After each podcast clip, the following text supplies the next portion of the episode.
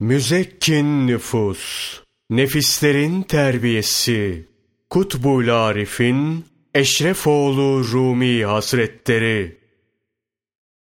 Rabbimi Rabbimde bildim. Ey aziz kardeş! Halvetin ve zikrullahın şartlarını öğrendikten sonra, yukarıda anlatıldığı gibi, halvete girip oturunca, La ilahe illallah zikriyle meşgul ol. Sana lazım olan vakıa, hal ve rüyalarını bu öğütler gereğince gözetip, vaktini tavsiye edildiği gibi değerlendir. Zira vakit geldiğinde, maksat talibe müşahede olunur. Nitekim, Allah ondan razı olsun, Hazreti Ömer'e böyle olmuştur. Kalbim, Rabbimi gördü demiştir.'' Müşahede bir şekilde mi olur, yoksa talibin kabiliyetine göre değişir mi dersen, müşahedenin farklı şekillerde gerçekleştiğini söyleriz. Her talibe kalbinin açıldığı kadarıyla hasıl olur. Mesela zikrullahla gönül gözünden perdeler kalktığında hakkın hakikati tecelli eder. Bu durumda insan varlığının hakikatinden bir şey kalmaz. O zaman Hakk'a, Hak'tan başka kimse eremez. Bir başka müşahede de şöyle olur. Gönül aynası zikrullahla saflaşınca Hakk'ın nuru tecelli eder. Talip, gönlündeki basiret nuruyla Cenabı Hakk'ın marifetini müşahede eder. Bu olurken talibin kendisi burada bulunmaz. Ancak Hak Teâlâ mekan ve yönden münezzehtir.'' Gerçi sevgiliye kavuşma gönül aynasını aksettiğinde o ayna da artık ayna değildir. Bu dediğimiz sadece ehline aşikardır. Halvet ve zikir ehli olan talip çok dikkatli olmalıdır. Vakıa, uyku, teveccüh ve halini gözetmesi gerekir. Talibe bazen böyle müşahedeler olur, bazen de daralmalar yaşar. Kimi zaman inşirah bulur, kimi zaman dağılır, kimi zaman da toparlanır. Duruma göre fena ve beka hali üzerine yaşadığı olur. Bunların hepsini şeyhine arz etmek durumundadır. Şeyhinin suretine olan teveccühten ayrılmaması gerekir. Zira şeytan şeyhin suretine bürünemez. Şeyhlerin bu hususiyeti Resulullah sallallahu aleyhi ve selleme tam anlamıyla uymalarından kaynaklanır. Şeyhler, Hakk'ın ve Resulullah sallallahu aleyhi ve sellemin izniyle ve Mürşid-i Kamil'in icazetiyle irşat tahtına oturmuşlardır. Şeytan, Resulullah sallallahu aleyhi ve sellemin suretine giremediği gibi şeyhlerin suretine de giremez. Nitekim Resulullah sallallahu aleyhi ve sellem şöyle buyurur. Beni gören mutlaka beni görmüştür. Çünkü şeytan suretime girip böyle görünemez. Hak Teâlâ şeytana Resulullah sallallahu aleyhi ve sellemin suretine girme kudretini vermemiştir. Bunun dışında başka suretlere girip talibe kendini ve nurunu gösterebilir. Şeytanın nurunun renk ve alametleri vardır. Bazen kızıl, bazen de sarı olarak görünür. Teslimiyeti sağlam ve teveccühü doğru olan talibe göründüğünde, suya düşmüş tuz gibi dağılıp gider. Güneş görmüş kar gibi erir. Şeytanın yetmiş bin askerini bir havlamayla helak eden ashab-ı keyfin köpeğini görmedin mi? Nerede kaldı ki hile yapsın da azdırsın veya başka bir şekilde görünebilsin. Evet, Hakka talip olanın güzel bir teslimiyet ve doğru bir teveccühle oturup zikrullahla meşgul olması gerekir. Keşif ve keramet beklentisine girmemelidir. O kadar ki renksiz renklerle ve keyfiyetsiz nur hasıl olsun ve türlü türlü tecelliler belirsin.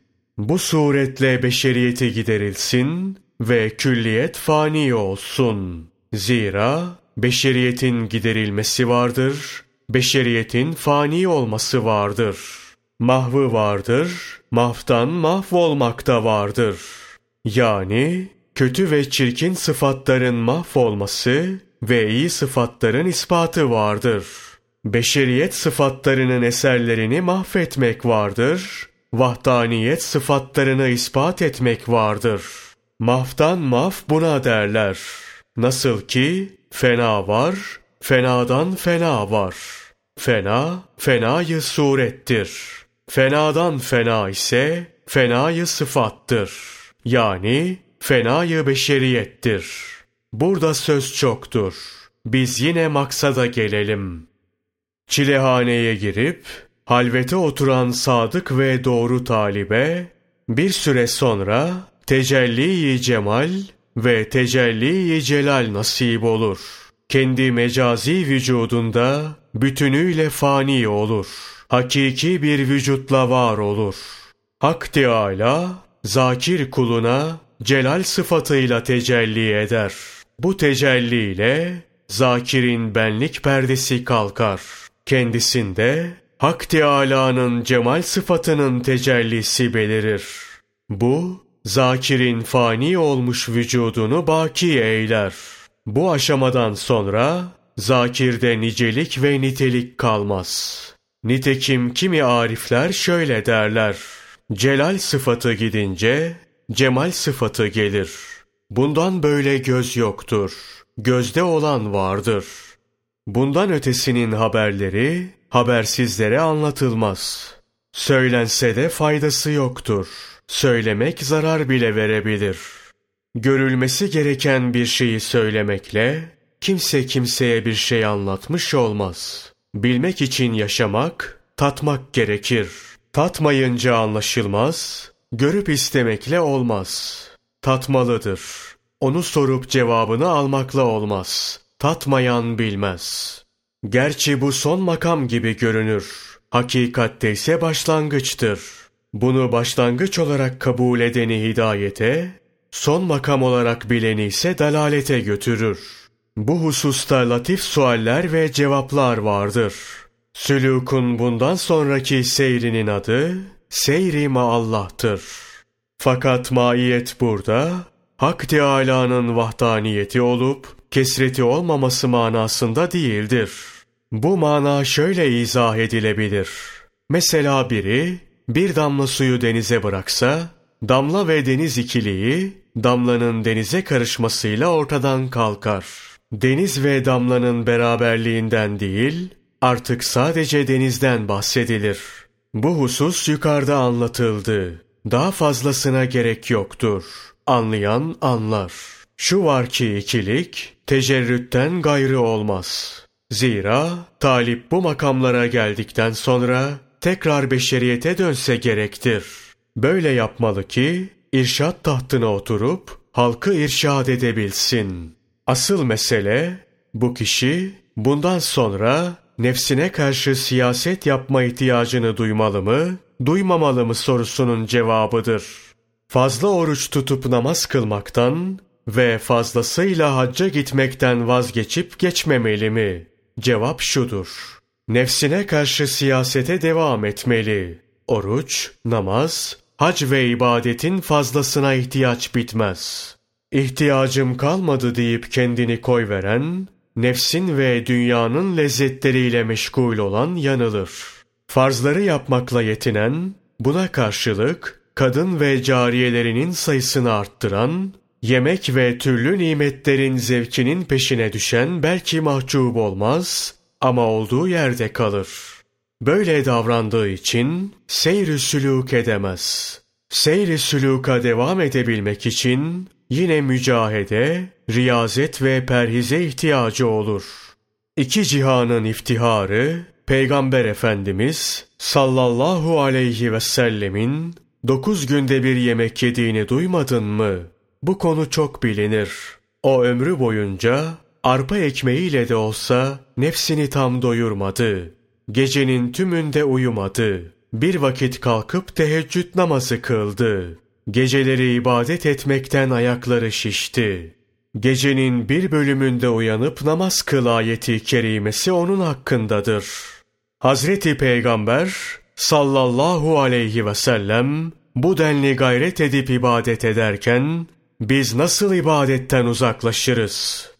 Allah ona rahmet etsin. Şeyh Abdullah Tüsteri ismindeki Kamil Şeyh, talebeliğinde yedi günde bir yemeğe oturmayı alışkanlık haline getirir.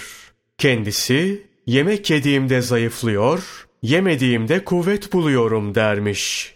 Yani yediğimde seyrim zayıflıyor, aç kaldığımda ise kuvvetleniyor demiş oluyor.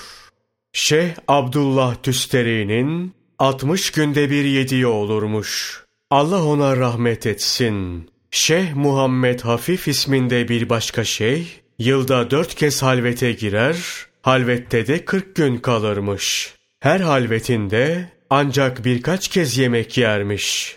Hiçbir vakit başını yere koymazmış. Bir seferinde çok yorgun düşer. Biraz dinlenmek için arkası üzere yatar. Daha uzanır uzanmaz, ayak ucunda iki cihanın iftiharı Muhammed Mustafa sallallahu aleyhi ve sellemi görür. Ey Muhammed hafif buyurmuş. Ne yatıyorsun öyle? Hakkın yolundan yüzünü çeviriyorsun. Hak Teâlâ'nın izzetinin hakkı için yüzünü haktan çevirip nefsine uyanlara Cenab-ı Hak öyle bir azap eder ki Yahudi, Hristiyan, kafir, hiçbir millet böyle bir azap görmemiştir. Şeyh Muhammed Hafif hemen kalkıp abdest alır ve halvete girer. Kırk çileyi arka arkaya tamamlar. Bir an bile çilehaneden çıkıp nefsini dinlendirmez. Nihayet çilehanede can verir. Kardeş, talip matluba erişince, kul sultana varınca amelini ihlasla yapar. Mecazi vücudundan kurtulup, hakiki olanla var olur. Bu durumda talip, müritlik mertebesinden muratlık makamına yükselir. İş bundan sonra başlar. Korku bundan sonradır. Çünkü muhlis olan büyük tehlike içindedir buyurulmuştur. Bu makama çıkanın şeyhiyle teveccühü kesilir mi yoksa devam eder mi? Bu makama erdikten sonra şeyhe ihtiyaç kalmaz. Talibin şeyhine ihtiyacının kalmaması Hak Teâlâ'yı kamil bir muhabbetle sevmesiyle mümkün olur. Bu da mahbubun bizzat tecellisiyle gerçekleşir. Mahbubun tecellisi ise talibin kendinden geçmesine, bütünüyle fani olmasına bağlıdır. Bütün bunlar gerçekleştiğinde talibin şeyhin teveccühüne ihtiyacı kalmaz. Fakat şunu belirtmek gerekir. Seven kişi kendinde fani olmayınca hak onda tecelli etmez. Hak kendisinde tecelli etmezse kişi kendinde fani olamaz. Bu konu kitabın başlarında anlatılmıştı. İbnül Faris'in Kaside-i Taiyesinde şöyle söylemesi ne kadar ilginçtir.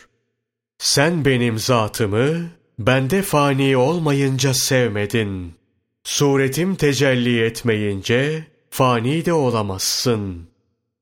Celal sıfatımın tecellisiyle fani olmadan ve cemal sıfatımın tecellisiyle beka bulmadan beni sevemezsin anlamına gelen bir söyleyiş.